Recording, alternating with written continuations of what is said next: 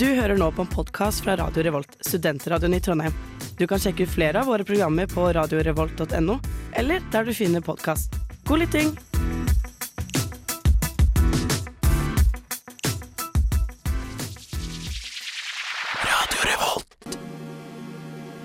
Ingen guder.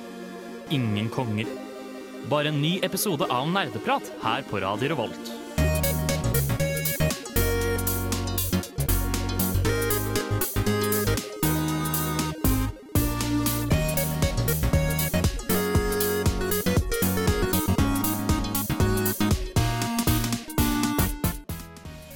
Hei og god dag til deg, kjære lytter, til en ny episode med Nerdeprat. Vanligvis hadde jeg bare sagt dag, men i dag er det en god dag, fordi Ja. vi skal endelig snakke om min favorittting her i verden. Vi skal snakke om fisking. Ja da! En hel sending dedikert til fisking. Og da er, det er jo bare god dag, da. Det, man kan ikke si noe annet. Og jeg gleder meg masse til å hoppe i det, akkurat sånn som fisken hopper i sjøen, ikke sant? Ja. Ha-ha. Eh, humor, tøyse, tulle, Håkon. Jeg er programleder. Håkon Sundby, mitt navn. Eh, med meg i studio så har vi Bård. Og Lars Martin. Lars Martin. Vi skal eh, Ja, vi skal komme i gang egentlig mm, så fort vi kan. Vi skal starte med å snakke om hva vi har gjort siden sist. Før vi kan snakke om fisking. Vi må vente litt, men vær tålmodig, for det er også gøy med innsjekk og nyheter og alt. Vi skal starte med innsjekk etter vi har hørt Hilma Nikolaisen med a-ha. Haha, du aktiverte nettopp mitt trap card. Nå er du nødt til å høre på nerdeprat til episoden er ferdig. Nani?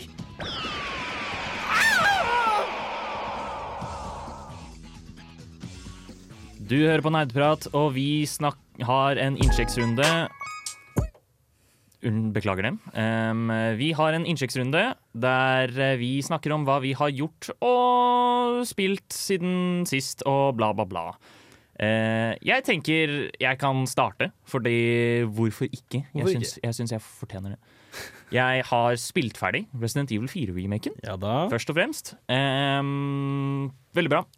Jeg, jeg vet ikke om jeg har noe mer å si som jeg ikke sa forrige gang om det. Uh, avslutningsvis, var det greit? Det var- Sånn slutten. Har de endra noe særlig? Uh, de har uh, Altså, det, det siste området i Resident Evil 4 er også det verste området, det mest kontroversielle området.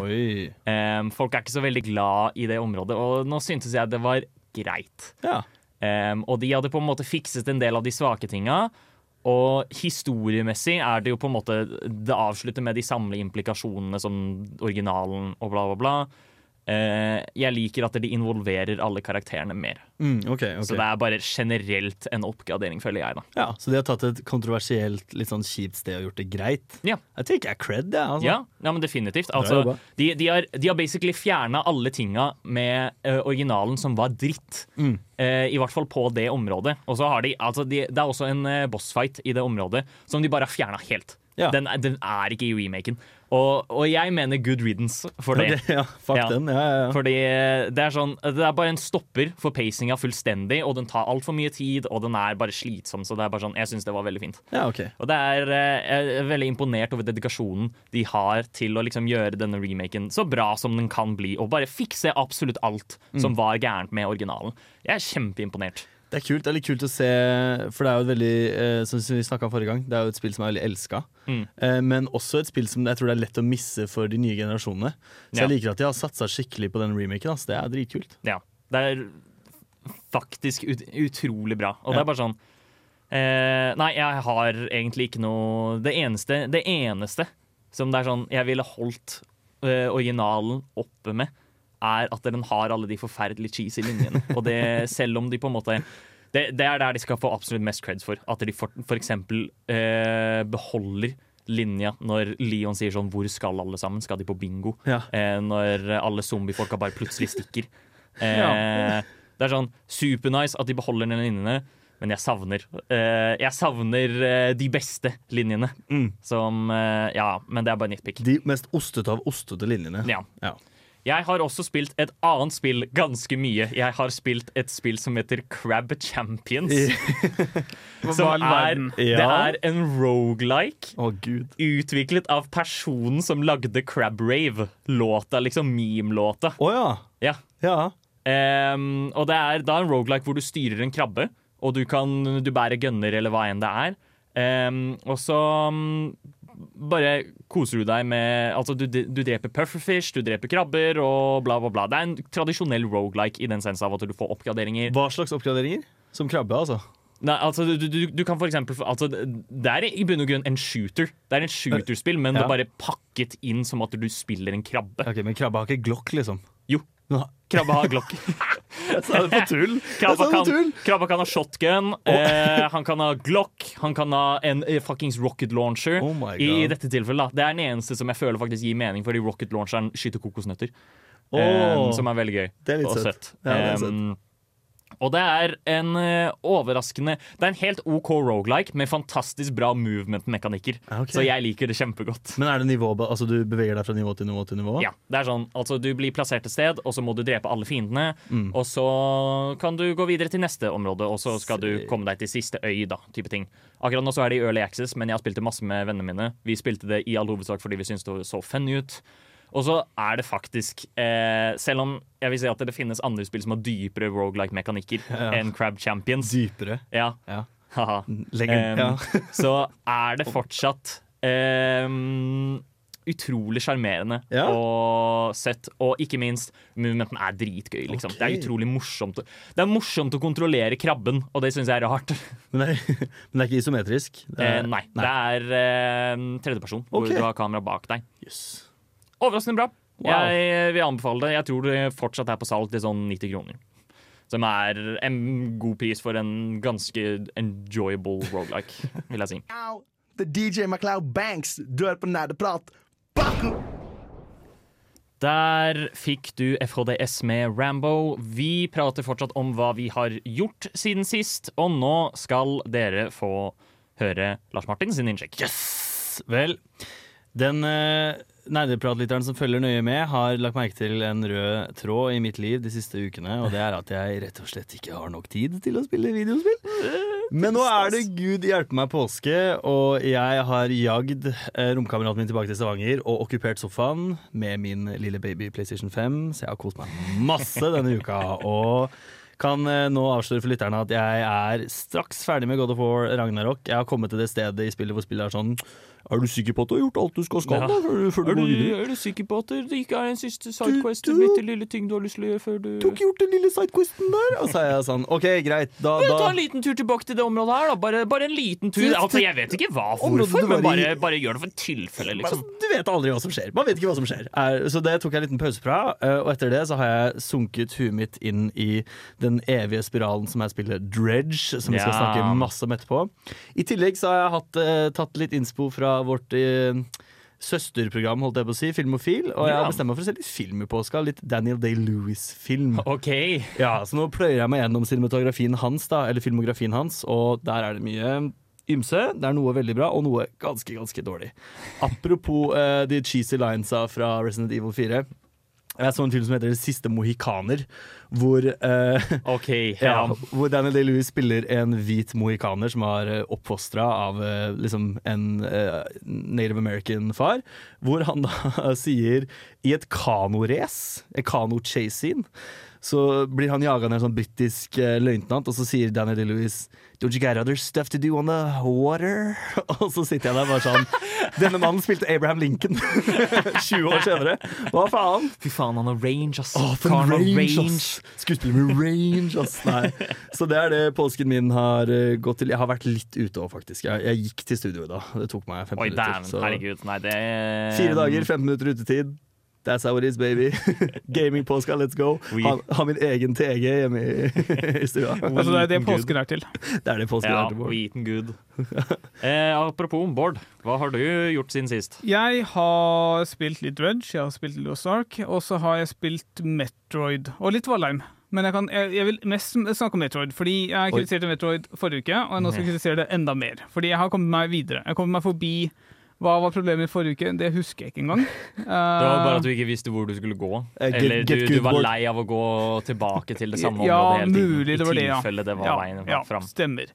Uh, nå har jeg kommet meg videre. Jeg har kommet meg til en slags gruve hvor Altså, I starten så spiller det veldig bra, fordi fiendene der er ikke så veldig fiendtlige. Du kan bare drepe dem for å unngå å ta skade selv, og de skyter ikke mye på deg. Men etter hvert som spillet utvikler seg, så kommer det fiender som skyter på deg. Og det er et problem når jeg ikke tåler så veldig mye skade. Og jeg skal gå gjennom lange korridorer, og de bare plaffer deg Altså, de får inn type sånn fem skudd nesten uavhengig hvor raskt jeg skyter dem eh, ned selv. Fordi sånn er bare spillet. Spillet er eh, litt uh, irriterende på den måten. Ja. Uh, og nå jeg, jeg sjekka faktisk i dag, eh, nå, fordi jeg, jeg, jeg har gjort det en gang før og døde. Jeg, jeg må bevege meg gjennom 15 pluss rom med masse fiender som skyter på meg. Jeg har f- 500 liv eller noe sånt, og jeg går ned til Jeg husker ikke helt hvor mye jeg er på nå. Og så kommer jeg til et rom hvor det er en oppgradering. Jeg har fått beskjed om at her er en oppgradering. Jeg er klar til å ta imot den oppgraderingen. Men så er det en ting der som jeg verken kan skanne eller skade, virker det som for meg. Så den forrige forsøk så bare drepte meg, og jeg ble utrolig frustrert. Jeg, jeg, jeg visste ikke hva jeg skulle gjøre. Så nå, nå hater jeg spillet litt. Mm. Bård, dette høres ut som en klassisk case av um, åh, Jeg vet ikke hvordan jeg skal si det her. Get good. Ja, men ting er, Spillet lærer deg opp til at du kan kunne skanne alt sammen. Men plutselig så kan du ikke skanne det, og du vet ikke hva du skal gjøre. Det er bare et rom med masse plattformer uh, som jeg prøvde å komme meg på, men da dytta ting, ting meg av plattformen. Ai, ai, ai. Og jeg kan ikke skyte Det så ikke ut som jeg kunne skade den, men eh, jeg tror Håkon påstår at jeg kan skade den. Ja, Fordi jeg personlig aner ikke hva du prater om, og det er fordi det var ikke et problem jeg hadde okay. da jeg spilte spillet. Oi, oi, oi. Eh, og heller ikke da jeg spilte første gang, fordi jeg kan ikke relatere i det hele tatt. Og Nei. det er jo problem, da. Ja. Eh, og da skal jeg ikke invalidere din opplevelse noe for det. Bra, Håkon. Men eh, Ja, jeg vet ikke. Jeg, jeg, har- jeg forsto tydeligvis hva man skulle gjøre der nå. For å sitere faren min, har du googla det? Eh, nei, jeg prøver å liksom ikke ødelegge altfor mye av opplevelsen, men eh, ting er, det jeg syns er litt et dårlig sandvalg når spillet er det opp til at du kan skanne alt som helst, og så kommer du til dette stedet, og jeg ser jo fienden på rommet under meg, jeg har jo vært der før, og nå prøver jeg, jeg prøver å få opp skannerlister, men ingenting skjer. Ingen forstyrrelser, ingenting. Jeg bare, den detekteres ikke av skannetingen. Og det syns jeg er litt merkelig, når spillet er så veldig flink ellers til å vise at du kan skanne alt, og det vil forklare deg hva du skal gjøre. Ja. Nei, jeg har ikke noe solid svar på det, annet enn at Jeg hadde ikke noen problemer, så du får bare finne ut av det. Vet du hvordan Ja. du kan hjelpe Bård, kjære lytter? Send oss en melding på sosiale ja, Send medier. oss en melding. um, og, og så vil jeg bare si jeg er uenig. Dritbra spill. Beste spill i verden. Eh, Metroid ruler som faen. Vi skal høre en låt. Vi skal høre That's Just How I Feel av Reza Safa Park. Nerdenytt.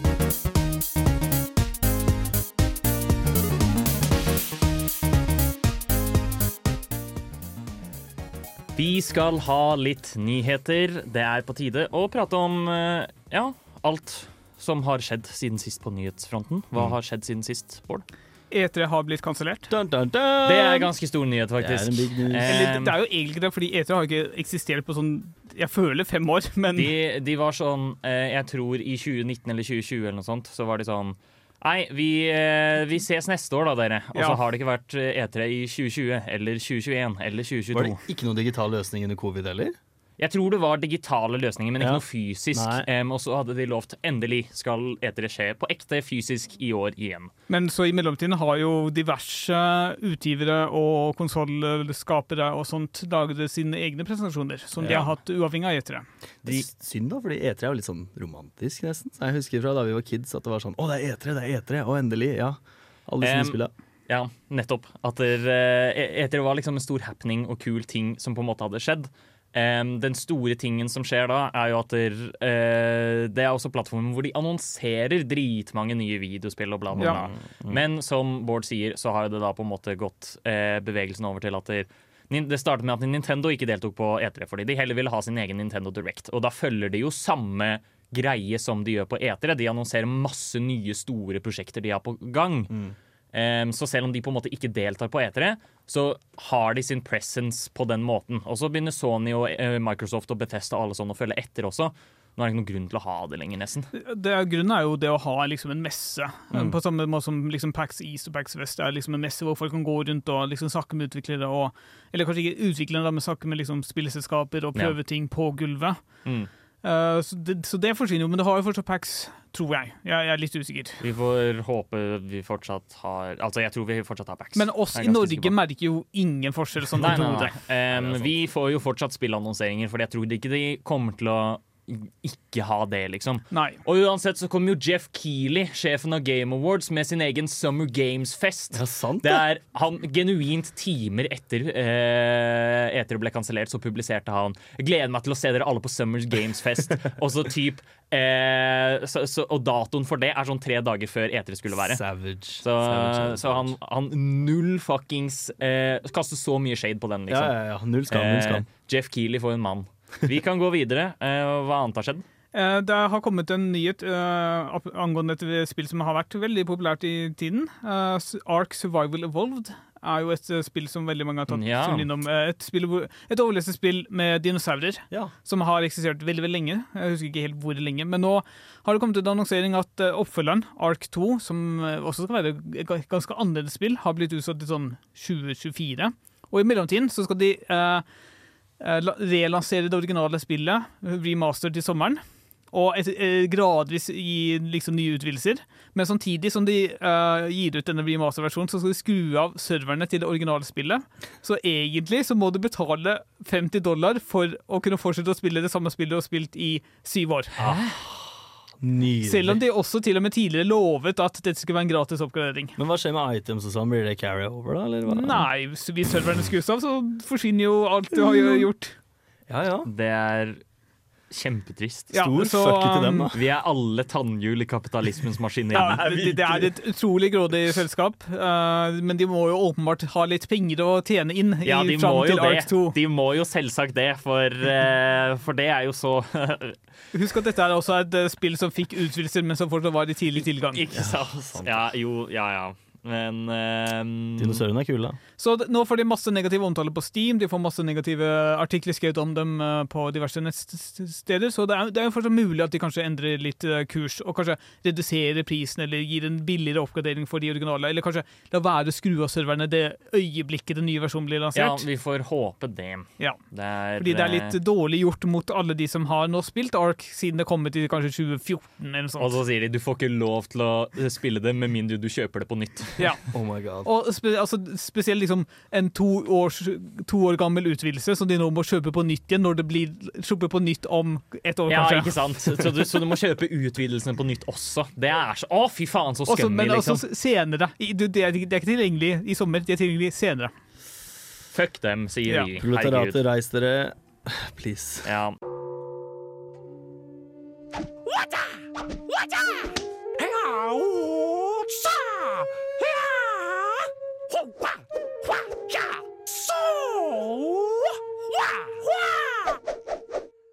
Nerdeprat.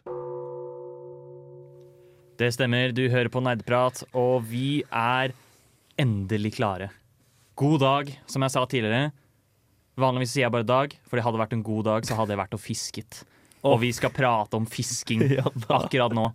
Ehm, så det er jo naturligvis en god dag, fordi vi får prate om min, en av mine absolutt favorittting i ikke, altså En ting er i virkeligheten, men i videospill spesifikt. Kjære, kjære lytter, nå, jeg skulle ønske du var her og så dette med meg, for jeg klarer ikke å lese ansiktet til Håkon skikkelig, om han mener det eller ikke. Det er vanskelig å se om det er sarkasme eller ikke, men jeg tror på han. Jeg tror på han, kjære lytter. Vi får se, vi får se hvor det her går. Det er um, Dagens sending er rett og slett ment til å det, Altså, jeg, jeg vil jo klargjøre at jeg er 100 seriøs, Ja. og at der, ehm, selv om jeg på en måte høres veldig tullete, tøysete ut, og det er veldig meme, hele den fiskegreia. Men det å inkludere fisking i ditt spill er så utrolig liksom Hva skal man si? Jeg, jeg elsker det. Jeg er så glad for at vi har fiskeminispill. Det kommer alltid litt sånn left field i mange spill, hvor Ja. det er litt sånn eh, Ja, du skal drepe dette verdensslukende monsteret, men først skal du fram med flua og fiske litt. Ja, ikke sant? Det er kjempeartig. Ta, ta deg fem, snu noen kalde. Ja, snu, snu noen kalde.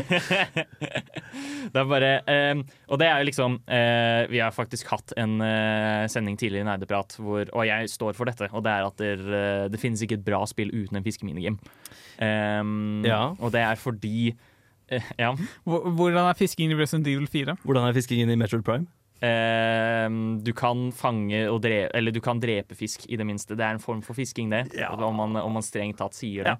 Eh, men eh, det er eh, Altså, de er bra spill, men de kunne vært bedre om de hadde hatt en fiskeminigame. Fisking. Ja. Samus tar av seg rustningen, begynner å fiske litt. Jeg ser Ja, det for meg. ikke sant? Ja, hvorfor ikke? Ehm, det, altså, for, for å ta det litt sånn eh, grundig, da. Hva, hva, hvordan, hvordan er fisking i videospill? Om, om jeg skal få spørre om det. Ehm, det det ofte er for meg, er et stopp, et avbrekk i det andre tingen du gjør. Så det er litt sånn eh, Nå skal jeg fange disse 151 skapningene i disse ballene, men for å få 20 av de, så må jeg faktisk fram med en fiskestang. Ja. Og så må jeg sitte som spiller sånn anstrengt og stirre inn i skjermen og være klar med høyre tommel og da, da, da, Der fikk jeg den opp! Der fikk jeg den! Opp. Boom! Ja. Magikarp. Mm. Ja, men så, så det er poenget mitt. da Det er veldig sånn Det er et avbrekk fra hovednarrativet veldig ofte med, som krever veldig intenst fokus, rett og Mm. slett. Og det syns jeg er litt spennende. Ja, det er eh, og, og i hvert fall veldig ofte i sånne fiskespill, eller eh, fisk, ja, fiskeminispill, så blir det ofte framstilt som liksom noe avslappende. Ja. Et avbrekk, som du sier. Et avbrekk. På en måte. At for eksempel hvis du i Legend of Zelda altså du skal gå og beseire Ganon og eh, redde prinsessa og redde Hyrule og alt det der. Men, ikk- men du kan også stoppe innom liksom fiskeområdet og bare prøve å fiske den legendariske Hyrule Bass. Hyrule Bass. Og det er, eh, og det er noe flott med det. Men um, det vi sier her, da Altså det, det evidente her er jo at der, eh, vi sier fiske minispill. Og det er fordi fisking som mekanikk fungerer sykt godt til i minispillformatet, som et slags avbrekk. Men det er veldig mye mindre av det for faktisk fullt utviklede spill som kun handler om fisking. Ja, men jeg, altså jeg syns minispillfisking er ofte litt for simpelt implementert. Ja. Ofte er det liksom trykk en knapp og trykk en knapp på nytt igjen, og gjør det til evigheten. eh.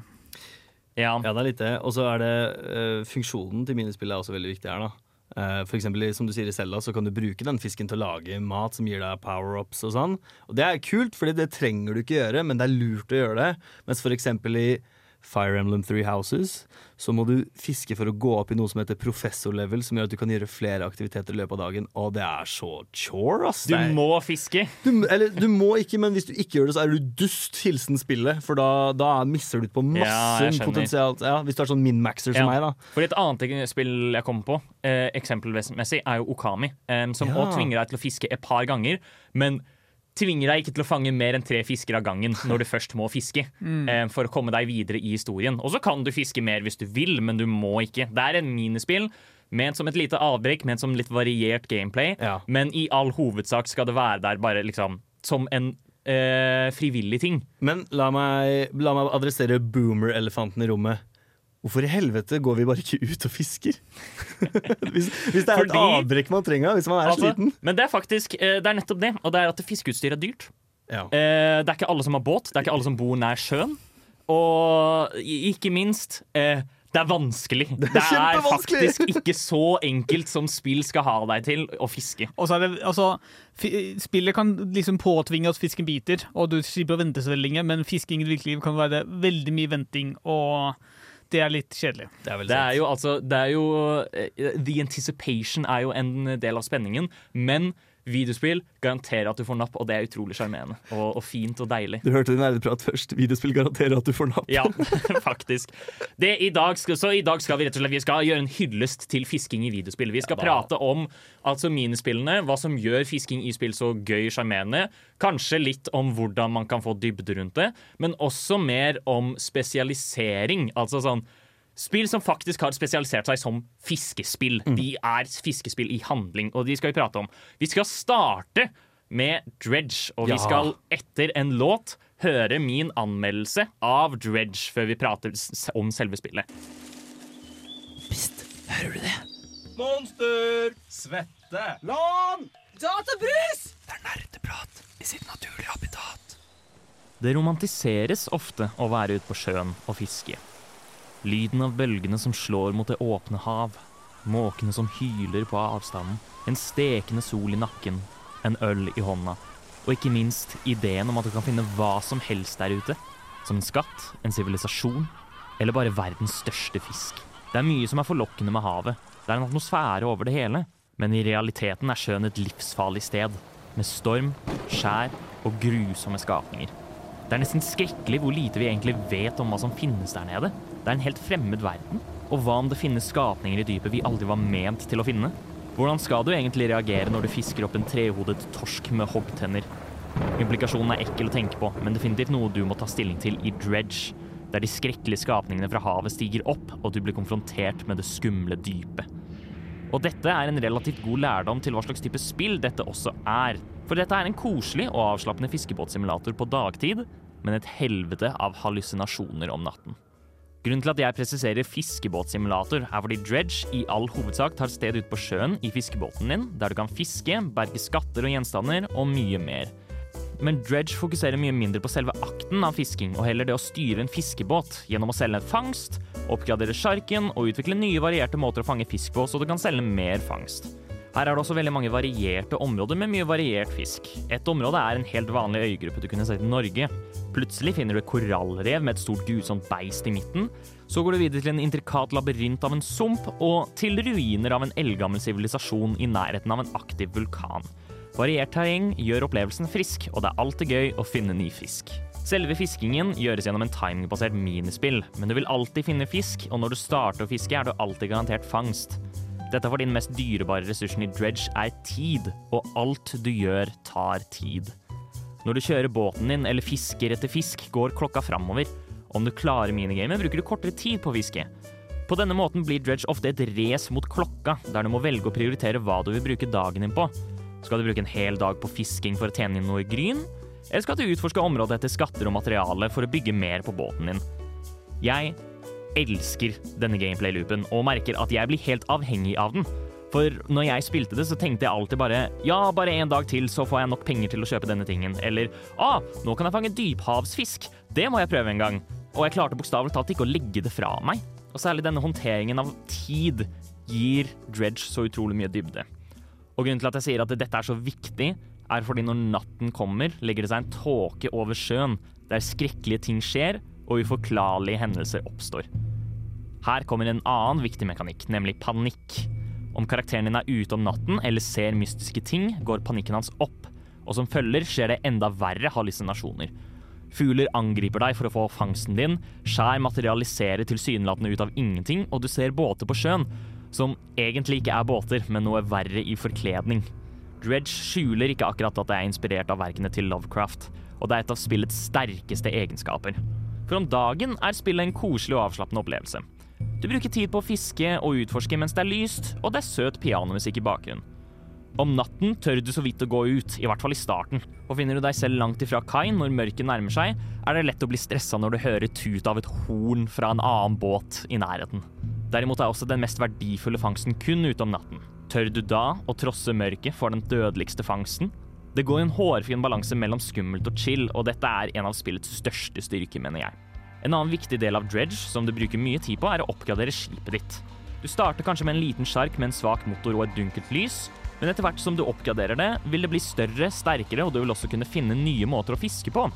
Eksempel låser du etter hvert opp krabbetegnere og garn som lar deg fiske passivt når du kjører båten din.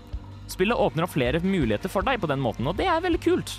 Det bidrar til å holde spillet friskt og variert, og at du faktisk har noe å sikte etter, et mål å sikte etter. Men dette er også en av spillets svakheter, mener jeg, fordi jeg føler til tider litt power creep. Etter hvert som du oppgraderer båten din mer og mer, vil det nemlig være mindre farlig å være ute på sjøen. Sterkere motor gjør at du lett kan rømme farer i de aller fleste tilfeller, og sterkere lys gir deg mindre panikk når du er ute om natta. Risikoen av å være ute blir altså noe lavere etter hvert som du har framgang. Men dette er bare en liten klage og påvirker ikke det store inntrykket jeg har av spillet. Videre skulle jeg ønske at tidsaspektet var noe viktigere. På en side er det fint at du kan gjøre alt på ditt tempo og ta det som du vil, men jeg føler ingen konsekvenser av å spille spillet så trygt jeg kan. Jeg kan i teorien gå til kai hver gang det blir natt, og bruke så mange dager jeg vil på spillet. Det vil bare ta litt lengre tid. Dette er i all hovedsak en nitpick, for spillet er veldig avslappende på den måten. Jeg skulle bare ønske det påvirket noe at spillet tvang meg til å interagere med skrekken som finnes på natten, i hvert fall en gang iblant.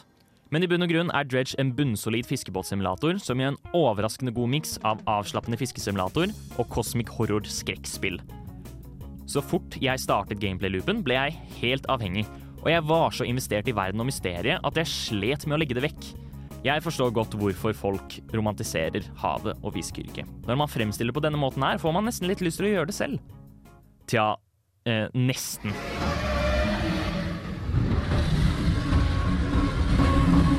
Min frykt for det dype hav har gått i skyene akkurat nå, så jeg tror jeg holder meg til land. Dette er DJ MacLeod Banks. Du hører på Nerdeprat. God gaming. God gaming. Der fikk dere låta 'Silhouettes' av Orions belte.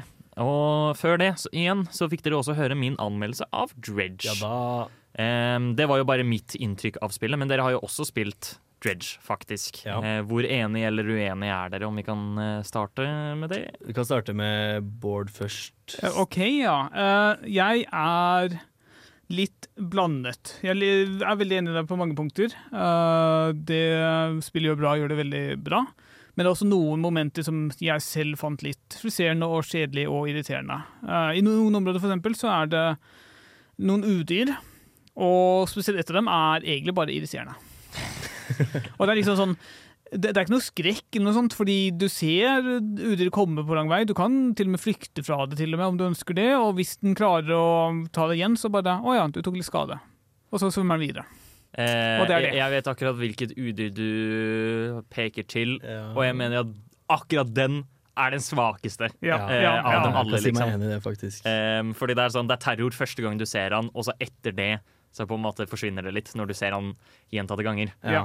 Eh, men, men sånn, de andre beistene mener jeg oppriktig har en liten skrekkfaktor Ja, til seg. Eller det er mer den frykten av liksom Hvis jeg kommer i eh, targeting-sonen deres, så blir, så blir jeg fucka Ja, opp. det du Liksom. ikke skjønner hvordan du skal håndtere det i starten. Du, bare, du, du seiler et eller annet sted, og så ser du et udyr, og så bare OK, hva gjør jeg nå? Og så finner du ut, og det er etter hvert som regel har Ja. en måte å håndtere dem på, men det, det her jeg nevnte, da, er, er det ingen god måte å håndtere det på. Du må bare leve med at det eksisterer. Ja. I, I tillegg så syns jeg litt sånn De kunne håndtert øh, jeg, er litt lei av at øh, det, er forskjellige, forskjellige sted, områder på kartet hvor du har fisker, og de virker til å være statiske. De endrer seg aldri. Du kan gå til samme sted og så vil du finne fisk der, om du ikke har liksom fisket det opp. Og jeg syns det kunne vært litt mer um, dynamisk hvor det ble funnet, fordi det blir I stedet for at det er samme sted hver gang. Ja, Ja. og også det Ja, at veldig mange av de stedene gir ikke mening. For eksempel Ja, eh, Ocean. Uh, jeg kan krysse havet, og så finner jeg et eller annet sted hvor det er grunnhavsfiske, eller grunnvannfiske, eller kystfiske. Og jeg bare, men hvorfor er det her?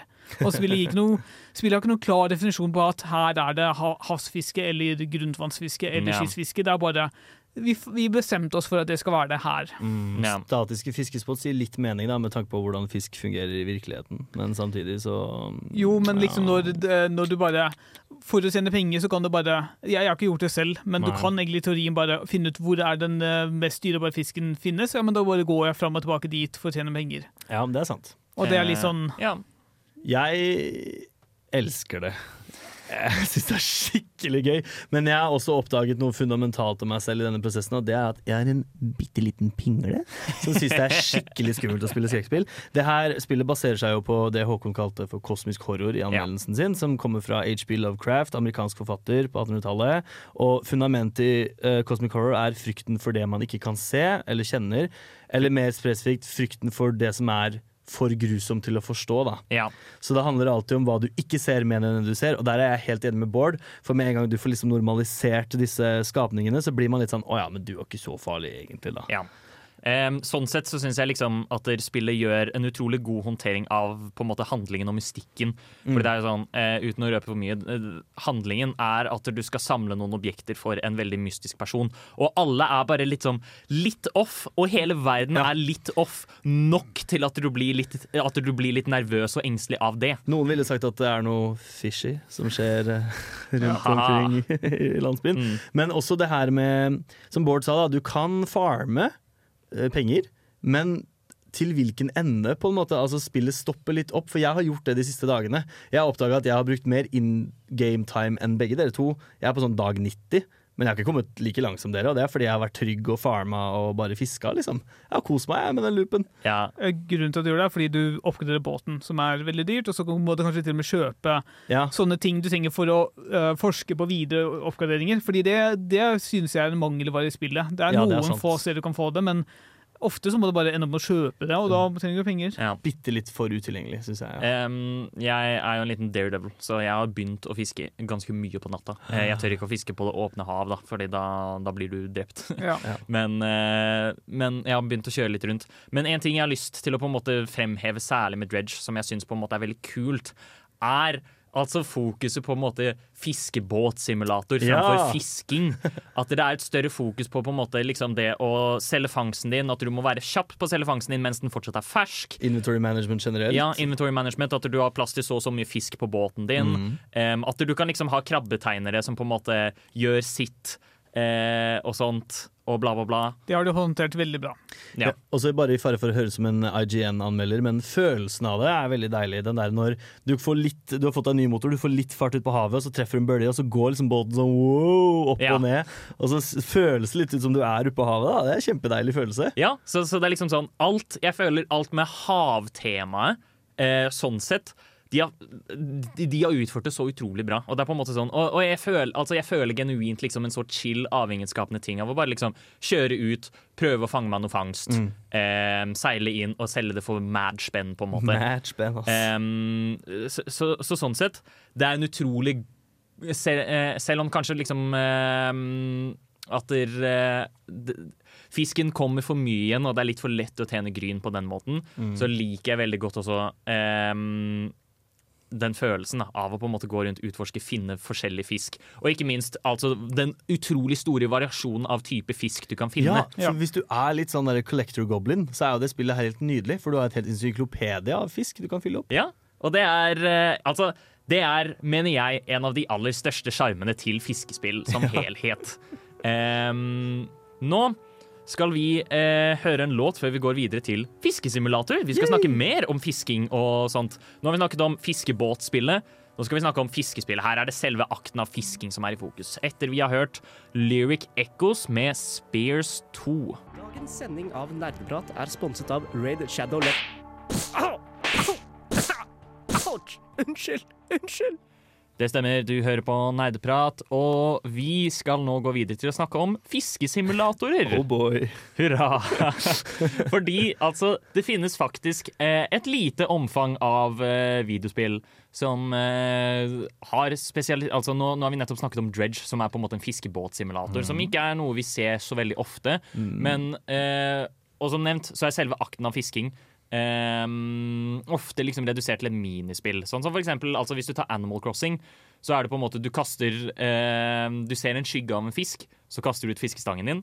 Og så idet de biter, så drar du opp fiskestangen din, og så får du en fisk. på en måte. um, og det, alt det er på en måte sjarmerende der, men det her er spill som på en måte virkelig går for å fremme illusjonen av at du fisker på ekte. Ja, fordi En ting jeg også savna bitte litt med Dredge, er du har spesifikt utstyr for spesifikk type fisk, men du har liksom ikke noe Du har ikke noe agn, du har ikke noe forskjellig type line. Det er liksom bare veldig simpelt, da. Jeg må, fordi fiskelommet har ofte litt kompleksitet. Du kan velge stang, du kan velge line, du kan velge sluk. Ja. Du kan velge liksom Skal du fiske fra båt, skal du fiske fra havkanten eller strandkanten? Fordi det, det, Dredge har jo på en måte mer sånn en, Det er jo derfor Altså, spillet har jo ikke så veldig tungt fokus på selve fiskinga, som nevnt. Um, men der er det jo òg liksom sånn Ja, du, du får en eh, varmeresistent linje, eh, line, men eh, du får altså, altså, Det er alt du trenger på en måte Ja. for å fiske. Det endrer ikke noe særlig Det utover er, det. det er noen valg å ta der, avhengig av hvor du skal. ja Det er Ja. ganske stemmer Men kan jeg bare si veldig kjapt min assosiasjon til fiskesimulatorer? Ja, For da tenker, jeg, da tenker jeg på norgesferie med bestemor og bestefar.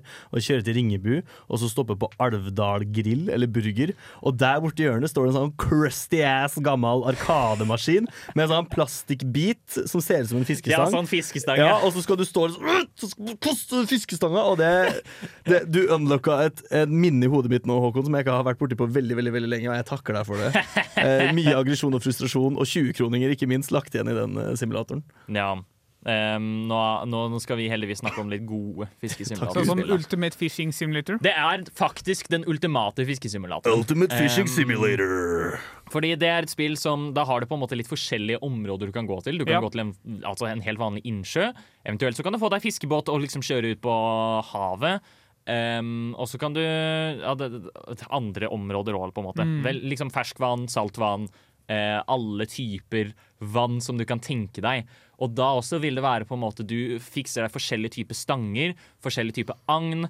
Kanskje du også trenger noe annet for å kunne fiske den forskjellige fisken.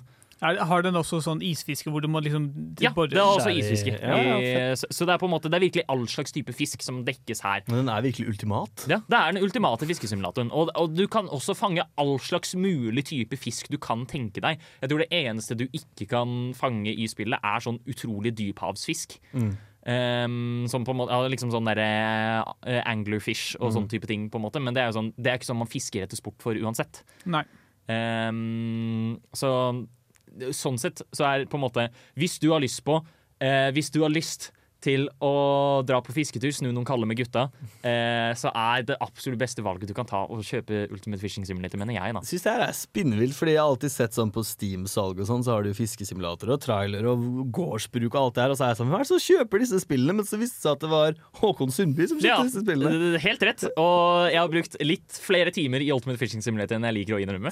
eh, men det er utrolig chill og avslappende og gøy. Og det ikke minst gøy, da, fordi det er sånn Det å på en måte tenke på, å være sånn Ja, nå skal jeg prøve å fange den fisken her.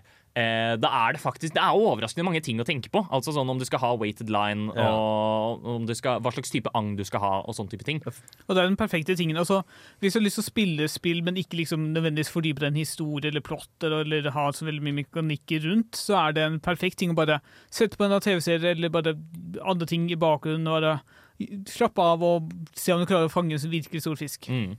Ja, for det er litt mitt spørsmål her. Det er sånn eh, Hva faen er meninga med spillet? Men så tenker jeg også at Vet du hva? If it floats your boat, uh, pardon my pun, så kjør på, tenker jeg. Hvorfor ikke?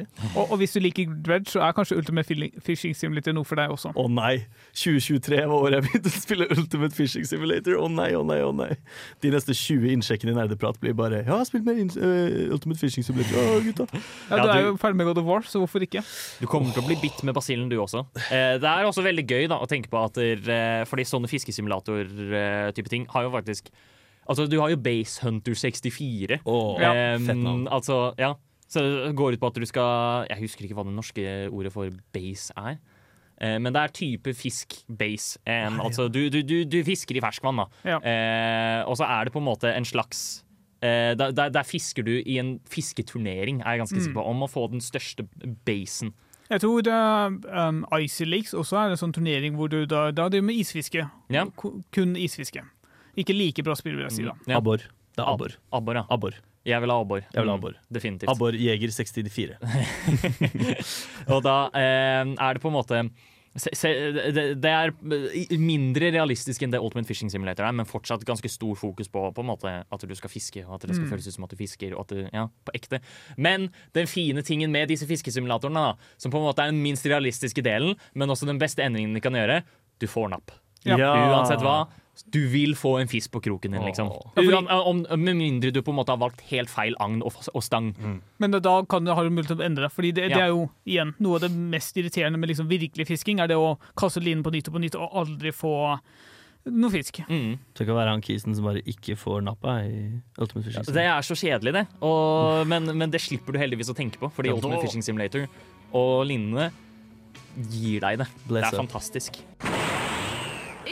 Med meg! Jeg har kraften til Gud og nerdepar på min side. Men hæ?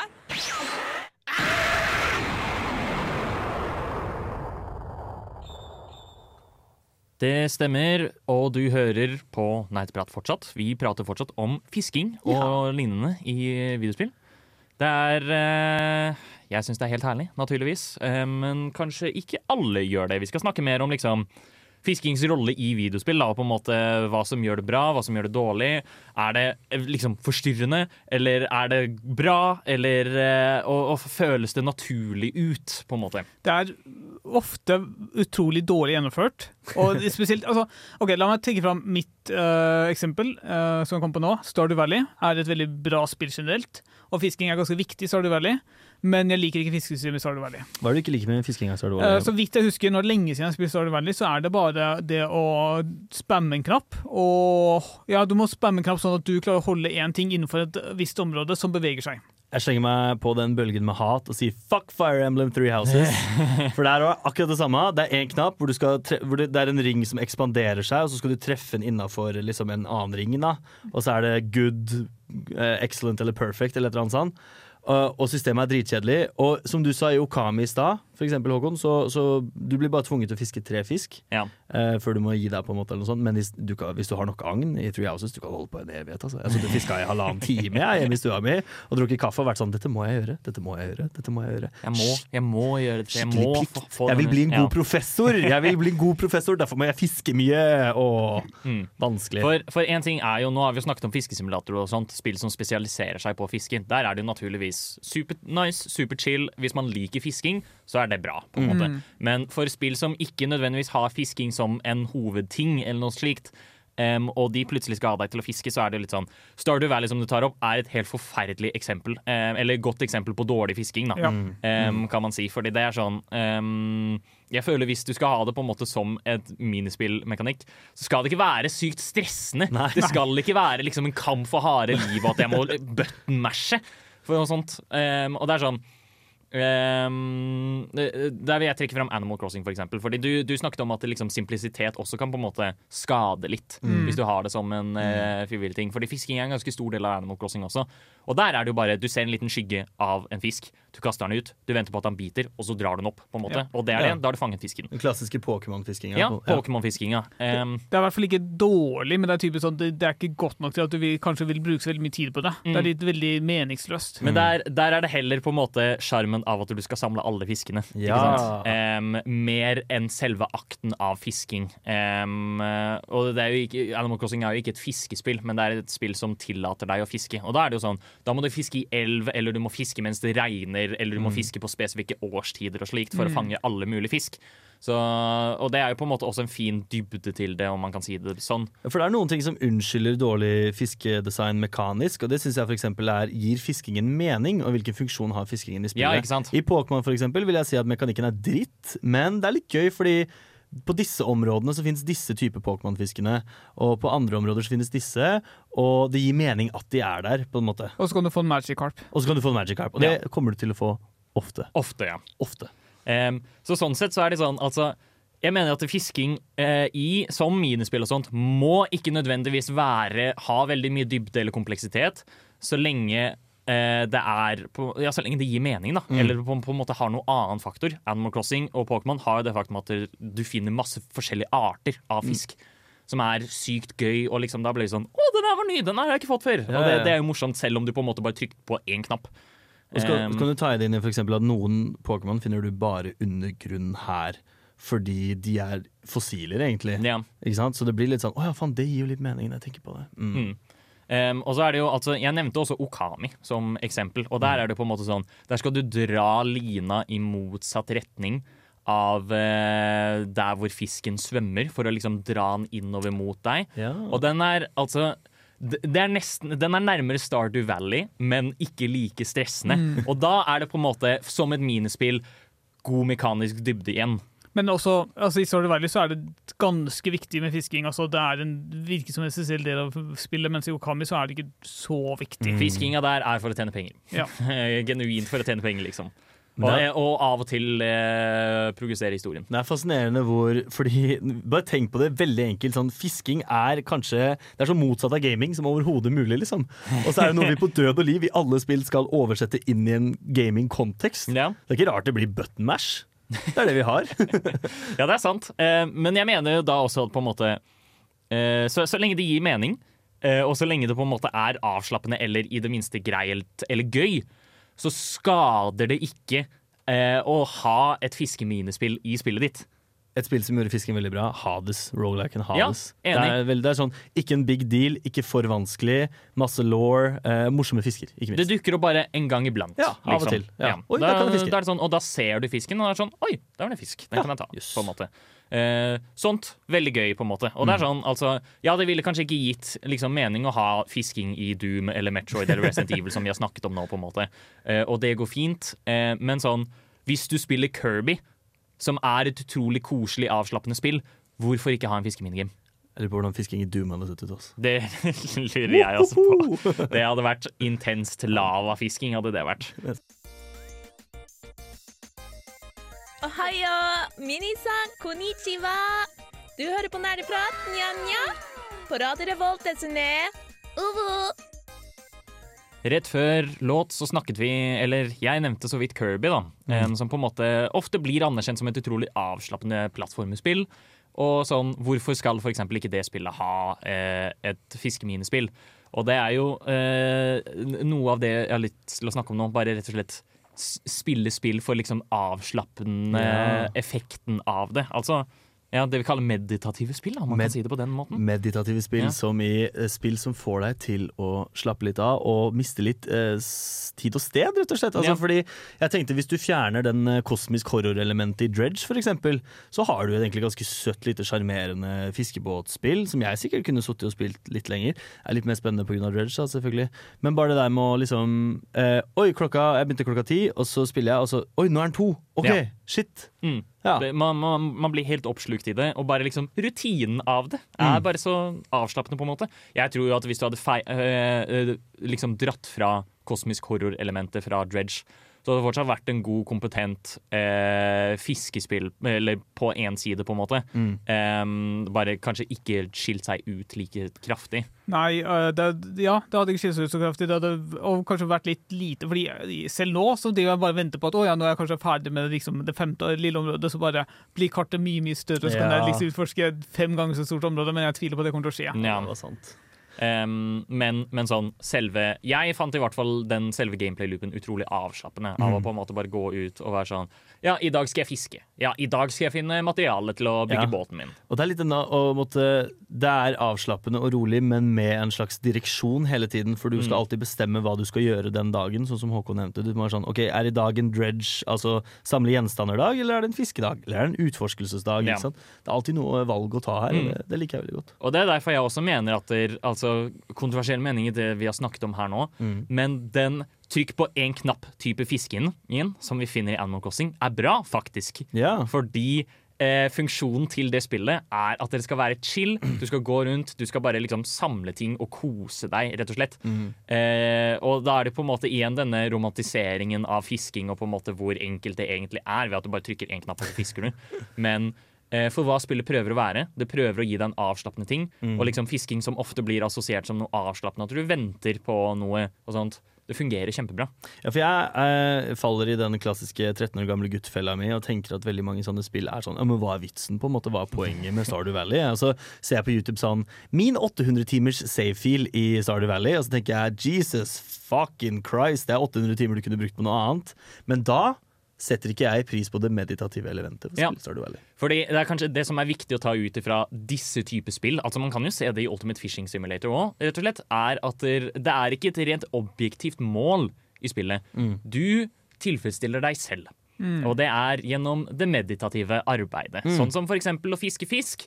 Det er belønningen i seg selv. Det er ikke noe mål. Du skal ikke fiske fisk for å få noe annet. Du fisker fisk fordi du har lyst til å fiske fisk. Og det som er veldig fint eh, med disse spillene, er at de er veldig tilgjengelige.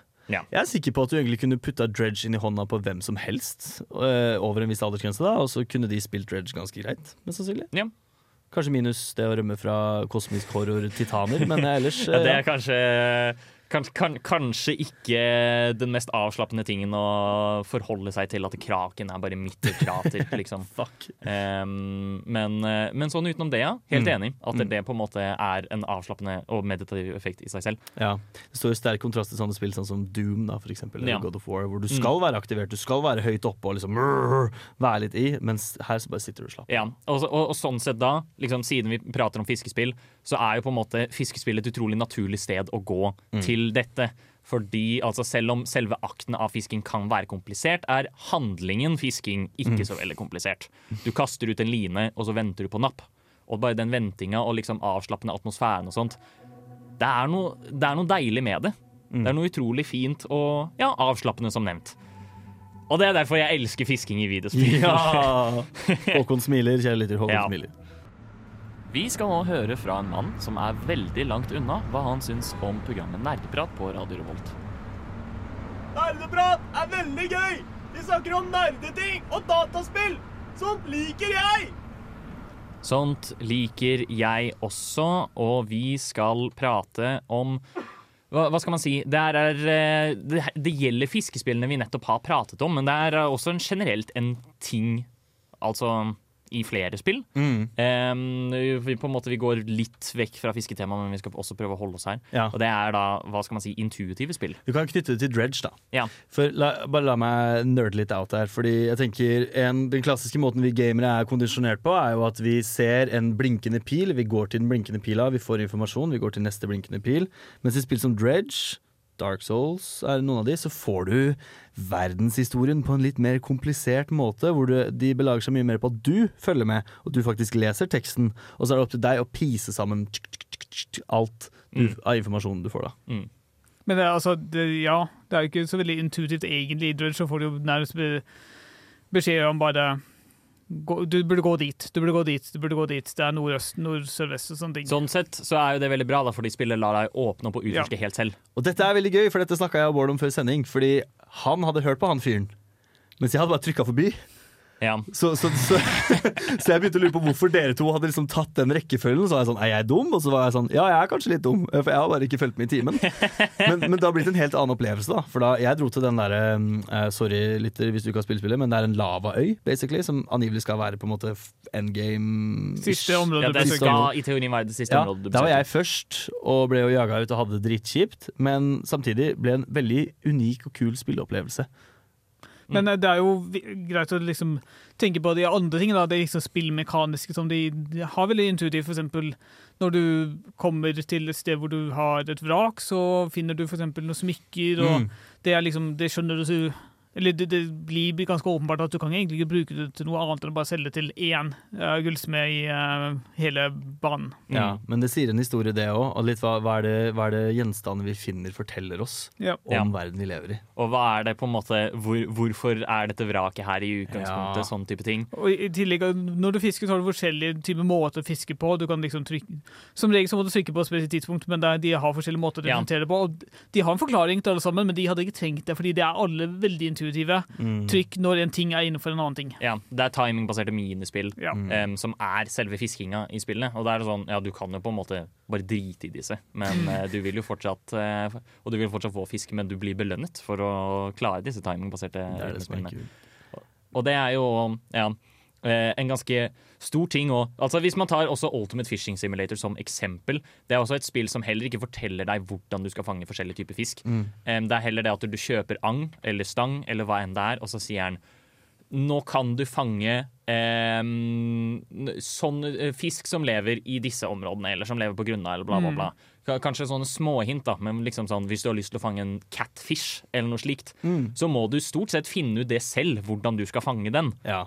Em, så det fungerer veldig bra, og det er jo på en måte litt av eh, opplevelsen nå, syns jeg. At man skal finne litt ut av det selv, i hvert fall når det gjelder ja, fiskinga. For det er fett, ut, for det er noe liksom, motstridende med å gi deg en hel åpen verden. Den er ikke så stor som uh, altså i Dredge, da, Ja. som på, på, på Pakistan.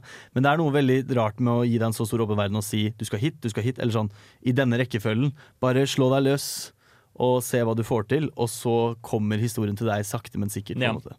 Fordi, ja. De har ikke, de har ikke, jeg syns de kunne håndtert det litt bedre, fordi problemet med spesifikt dredge er at du må ha spesifikt utstyr for fiskespesifikke områder, og de, de er ikke umiddelbart tilgjengelig. Du må faktisk låse dem opp, og det tar Mm. litt tid. Ja, det er sant. Uh, så de kunne håndtert det bedre, men det er jo fortsatt muligheten er det da, om du virkelig har veldig lyst til å gå til vulkanøya med en gang. Ja, sånn sett så er det faktisk um, Det er kun de nordlige delene av kartet som er begrenset til liksom spesifikke steder. Men det er jo halve Um, kartet.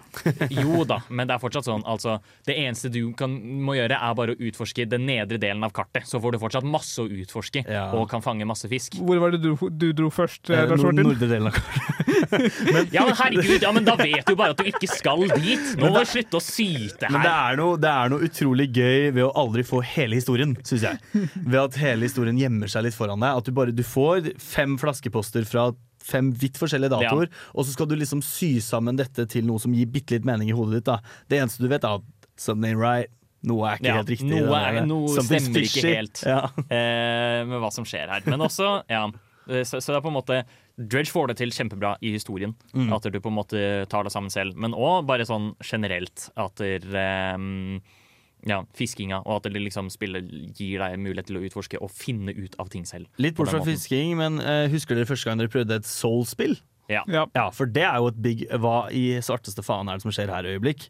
Eh, for det kommer en eller annen intro-cinematic som er sånn Den tapte kongen eh, tok ilden, og, og så sitter du der sånn, OK. Eh, men der er det jo sånn at jo mer du oppdager selv og liksom utforsker, jo mer kommer verdenshistorien sånn sakte, men sikkert inn i hodet ditt. Ja. Og det er veldig kult. Jeg husker, jeg kommer aldri til å glemme første gang jeg kom til Firelink Shrine ehm, i Dark Souls 1, og jeg gikk til gravplassen som er på vei til katakombene, og ble fullstendig slettet og mørbanka av de eh, skjelettene som var der. Eh, og min gamerintuisjon fortalte meg jeg skal ikke den veien. Ja. Ja, Så jeg gikk en annen vei og fant veien jeg egentlig skulle gå. ikke sant. Og det er eh, sånne ting som på en måte Det er verdifullt, og det er utrolig nyttig og bra å ha det med i videospill. Da lærte du, da. Du Ja. lærte. Jeg lærte det. Når innså du at du var en gamer? Dersom du kunne spilt kun et spill i et år Hva er det eldste spillet i backloggen din? Hva har du lært fra spill som du har fått nyte av i Er det et spill som har hjulpet deg gjennom en tung periode av ditt liv? Hva er ukas spørsmål? Ukas spørsmål denne gangen, vi holder oss på fisketema, er Nå har vi snakket veldig mye om fiskespill. En hel sending om Eh, fisk. En hel sending om fiskespill Tenkte. og alt mulig rart. Og spill som har fiskeminispill. Men, eh, og, og som nevnt, det finnes altså Et spill blir alltid bedre med fiskeminigame. Ja. Hvilket spill har ikke fiskeminigame som du tror kunne vært veldig bra med en fiskeminigame? Altså, Den åpenbare som stirrer meg i trynet, det, det første sånn kjedelige svaret, er eh, God of War-spillene, som jeg aldri kommer til å slutte å snakke om. Ja. Bare fordi der har, der, du er, sånn, I God of War 2018 så er du på vannet hele tiden. Du er jo i Lake of the Nine, altså den gigantiske innsjøen. Du er 60% på vannet. Hvorfor ikke bare ha med fiskesang? Det er garra dritmye fisk der, liksom. Ja, ja, og masse law. Masse, Ja. masse law. Og det er til og med et plott rundt å fiske midgardsormen. Men vanlig fisking får vi ikke. Hæ? Hva er det for noe tull? Ja, det er eh, du, sier noe jeg der. sier innpå noe. Jeg har tror- skjønt greia. Jeg tror, du kunne, jeg tror du kunne blitt noe. Ja. Mm. Bård? Jeg kommer ikke sånn umiddelbart på noe. Istedenfor skal jeg si alle spill som har dårlig fisking, vær, så snill, gjør det bedre. Stardew. Valley har for dårlig fisking til altså, Stardew Valley er et sånn perfekt spill hvor du bare kan gå inn i spillet og gjøre hva du vil, men kan du ikke da ha en god fiskeopplevelse istedenfor Mm. å ha en stressende jævelskap som den har nå? Vi må tenke litt kreativt her òg, gutta. Sånn, se for deg Doom med fisking. Se for deg fiskevåpenet. Men problemet, poenget mitt er at eller jeg vil ikke ta det liksom ut fra liksom opplevelsen. Jeg har lyst på flere sånn meditative spill hvor du kun bare lever livet i spillet og Ah. gjør oh, ja, men, diverse men, ting. du, men det er ikke spørsmålet, Bård. Du må, du må velge et spill som ikke har en fiskeminigame, og gi det en fiskeminigame. Altså, greit, Vi vil alle ha mer meditative spill som fokuserer på fisking, Men, men, men eh, Metroid. Metroid. Metroid Ja, bare fordi det er det jeg spiller nå. Men det er også et spill som liksom fokuserer veldig mye på atmosfære Mm. og på en måte isolasjon. Um, og da er det på en måte Hvis du kaster inn noen liksom fremmed, ekle, skumle, rare fisk der, så kan det på en måte styrke det faktum at du er på en alien-planet. Fisken får få tilbake liv, sånn at du ikke dør umiddelbart. Salty. Eller, eller, eller så kan det bli god. Jeg føler jeg må eh, si noe for Oksana her, Fordi hun Oi. er jo ikke i studio. Ja. Eh, Hun ville ha sk- fisking i Skyrim. Ja, det var akkurat det jeg skulle si! Du kan teknisk sett løpe ut i havet, da, bare på liksom plukke opp fisken. Det kan men, du. Sånn, men det sånn bjørnefiske? ikke-. Sånn med hendene, Det liksom. er jo ikke det samme i Nei, det det er hele tatt. det. Det finnes sikkert en Um, mod, tror du ikke det? Som lar deg fiske i Skyrim? Nei. Gjør det ikke det?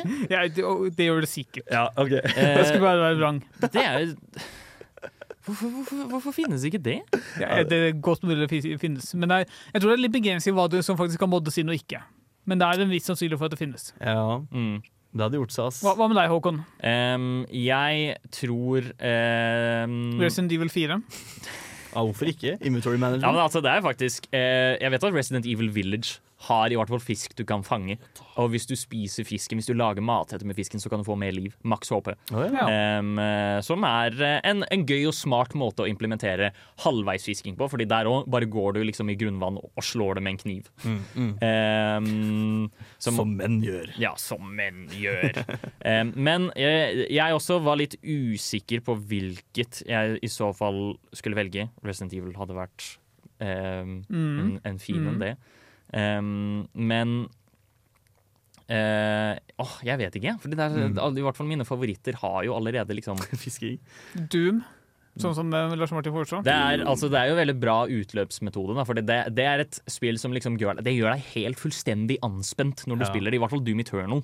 Um, fordi det er så intenst. Det er så mye som skjer. Eh, mye blod, gørr og bare liksom dritvanskelig spill. Fint med litt avbrekk en gang iblant. Se for deg at du slenger linja ut, og så kommer det en demonfisk opp og prøver å spise deg. I mean, hvorfor ikke? Ja. Um, jeg mener da eventuelt liksom også hvilken som helst sånn uh, ja, Ta for eksempel en, en, en gjennomsnittlig rogelike. Ja. Mm. Eh, hvis du kommer til en shop der, eh, da, da, da stopper de som regel klokka. Ikke sant? De stopper klokka, de lar deg Ja. kjøpe ting og sånt. Mm. Hvorfor ikke fiske minigame også? Jeg vil også ha så slag for fisking i Battlefield. Ja, hvordan da? Bare midt i slagmarken. Hvis du finner litt ly fra skudd og sånt, så kan du bare ta fram fiskesanga og fiske for å få litt mer mat og liv. vært- Eller en eller annen bonus. OK, eventuelt hear me out. Fisking i Tetris. Um, Eh, eh, Ja. ja. Jeg er enig. Ja. Jeg støtter det. Lager du for, altså det, når du får Tetris, så fanger du fisk. Ja. Eller altså ja. får Eller hvis du lager fiskestang i Tetris. Ja, eventuelt det. Oi! Ja, gøy. Artig. det er, her er det gratis tema. Jeg husker ikke hvem det er som utviklet Tetris. Jeg håper men, EA eh, hører på oss. Ja, det håper jeg også. Så der fikk dere noen kjappe anbefalinger, eh, eller noen kjappe ønsker fra oss. da Mm, av, eh, Altså, spill blir alltid bedre med fiskeminigame, sier jeg bare. Ekstra, ekstra, ekstra, ekstra! Kom og hør de nyeste anbefalingene til nerdeprat! Ekstra, ekstra! Det er på tide med Nerdeprat anbefaler. Aller først vil jeg bare si superkjapt. Jeg kom på et spill til som absolutt burde ha en fiskeminigame. Mario 64. Og det er bare fordi oh. det er et allerede perfekt spill. Um, som hadde blitt enda mer perfekt om det hadde hatt en fiskeminigame. Når du har så mange vannivåer også, og det og sant. fisk du kan se rundt. Men teknisk sett kan du fiske opp den babypingvinen og kaste den over kanten på verden, skal sies. men det er kanskje ikke helt det samme. Nei, det er ikke helt det samme. Hadde den hatt en fiskeminigame, eh, eller bare en måte å fange fisk på, hadde Mario 64 vært 100% 101% perfekt. Uansett, det er på tide med nerdeprat anbefaler. Det her er spalten hvor vi bare ja, tar et par spill og Mm. sier hvorfor du kanskje burde sjekke det ut, og hvorfor det er gøy å spille. Vi kan jo prøve å holde oss til et lite fisketema, da, men ikke nødvendigvis. Om vi har noen gode anbefalinger, så har vi gode anbefalinger. på en måte. Jeg kan i hvert fall starte med et litt fiskerelatert eh, spill. Sea of Thieves. Ja. Eh, som på en måte i all hovedsak er at du er typ en pirat eller bare en person ute på sjøen. Du kan spille med venner, og da er dere crew, dere kjører en båt, dere har det gøy. Du kan fiske i spillet. Det er helt OK, om jeg husker rett, men du kan fiske. Og du kan leve livet på det åpne hav, som er ganske fantastisk. For her seiler jeg på ukjent farvann, for jeg har aldri spilt Sea of Thieves før. Men hvor mange i et crew kan du være? Opptil fire, er jeg okay. ganske sikker på. fire stykker. Og da er det forskjellige båtstørrelser, avhengig av liksom hvor mange du er i crewet, og hvor Oh. mange det anbefaler. Uh, for deg å liksom For det er sånn, det er enkelte gigantiske båter som det, er sånn, det anbefales å være fire stykk på Mm. den. Em, og jeg har da spilt med kompisene mine, og da er det liksom Det er på en måte realistisk med sånn hvordan du skal sette seilet ditt, hvilken vei du skal vende seilet ditt og sånt. Så det er jo på en måte også litt sånn båtkjøringsmekanikker som er veldig bra implementert. Mm. Det, og det er et latterlig gøy spill å spille med venner. Det er eh, en sterk anbefaling fra meg, i hvert fall. Ok, fett, fett. Bård? Jeg sliter med å komme på noe, faktisk. Men jeg kan eh, si jeg spiller jeg spilte for lenge, lenge siden, som jeg er 90% sikker på det er fisking, og det er Torchlight. Oi! Ja. Torchlight er fint. Et action-RPG-spill, eh, ligner Diablo, som eh, er gammelt, men også utrolig bra laget. Eh, Så hvis vi vil ha liksom det å kjempe horder av fiender, sammenbygd med det å av og til fiske litt, så sjekk det ut. Det er liksom et sånn perfekt spill å ha en fiskeminigame i. Ja. Fordi da chiller du maks når du først kommer til ehm, ja, når, du liksom har beseiret denne horden med fiender. Da trenger du litt utløp, ikke sant? Du Ja. trenger å roe deg ned litt. Fisking. Torchlight hadde jeg helt glemt. Det er lenge siden jeg har hørt om. Kanskje jeg skal spille Torchlight snart. Mine anbefalinger er begge litt billige, men jeg tar det uansett. Den første er Hades, som jeg snakka litt om i stad. Ja. Fantastisk rogelike. Eh, masse gøy action. Greske guder, hva mer kan du ha? Gripende historie, faktisk. Eh, som jeg syns de fleste som liker den typen ting, burde spille. Det andre er eh, et eh, Ja, det er et sånn litt lite kjent indiespill. Jeg er ikke sikker på om redaksjonen har hørt om det, men det heter Minecraft. Og der er det Eh, veldig hyggelig. Den, Minecraft føler jeg enkapsulerer de fleste av de gode kvalitetene vi har snakka om i studio i dag. Hvor det er litt sånn hangout-spill på noen måter, og ta deg litt god tid og sett deg i båten og fisk litt, liksom. Superhyggelig. Mm. Ja, kjør på. Det er, det er jo et spill som liksom, i likhet med hva skal man si, Animal Crossing og sånt, bare lar deg leve livet helt fullstendig. Ja, Og så er det veldig rolig, og jeg syns uh, Jeg husker aldri hva komponisten heter, men det er C148 eller den som har lagd musikken til Minecraft. Ja, Minecraft. C418. C418 er det. Fantastisk musikk. Veldig avslappende. Veldig, veldig avslappende. Mm. Um, Nerdeprat anbefaler Minecraft. en, siste, en siste bare rask uh, en som jeg vil si, er Yakuza. Ja. Fordi Yakuza er liksom kjent for å bare være Det er en utrolig alvorlig handling, og sånt, men også er riddled med minigames. Inkludert fiskeminigame, fordi det er et bra spillserie, faktisk. Eh, og da vet jeg at Yakuza 6 spesifikt har en minigame som involverer at du har liksom en sånn spydpistol, og så skyter Det er en førstepersons skytespill hvor du bare skyter fisken med spyd i stedet. Fantastisk gøy. Det er lættis. Det er lættis. Ja. Hei, jeg heter Linn Skåber, og dere hører på Radio Revolt. Det stemmer, du hører på Radio Revolt, og du hører på Nerdprat. Dessverre ikke så veldig mye lenger, fordi Ah. vi er ferdig for i dag. Vi har snakket om fisking, og vi har snakket om eh, spill som har fisking som hovedmekanikk, Mm. og spill som har fisking som minispill. Og litt om eh, hvor deilig og avslappende det er å fiske, eh, og ja, litt generelt. Har noen av dere fått lyst til å faktisk dra ut og fiske på ekte? Jeg, jeg har gjort det tidligere. Jeg, jeg har ikke sånn vel... Altså, det, er, det er en grei tidsfordriv om du er i riktig stemning og alt mulig sånt. Jeg, jeg fisker eh, faktisk eh, Eller jeg har i hvert fall fisket hver sommer de siste tre årene, tror jeg. Vi som er på hytta, og det er fiskevann like ved hytta, så kanskje jeg tar noen turer. Ja, det er utrolig avslappende. Og det er sånn Eller i hvert fall selve den, den typen fisking er jo veldig deilig. Men Mm. sånn, altså det å være fisker er jo det mest stressende Ja. yrket du Ja. kan tenke deg. Deadly's catch. Men det er derfor vi har videospill, og det er derfor det er så deilig. Og ja, en god dag har det vært i dag, fordi vi har snakket om fisking. Takk Gud for gaming. Ja. Det var alt vi hadde for i dag. Nå får dere en siste låt. Dere får høre 'Heaven Surrounds Us Like a Hood' av Yves Tumor. Ha det bra. Ha det bra. Du har lyttet til en podkast på Radio Revolt, studentradioen i Trondheim. Sjekk ut flere programmer på radiorevolt.no.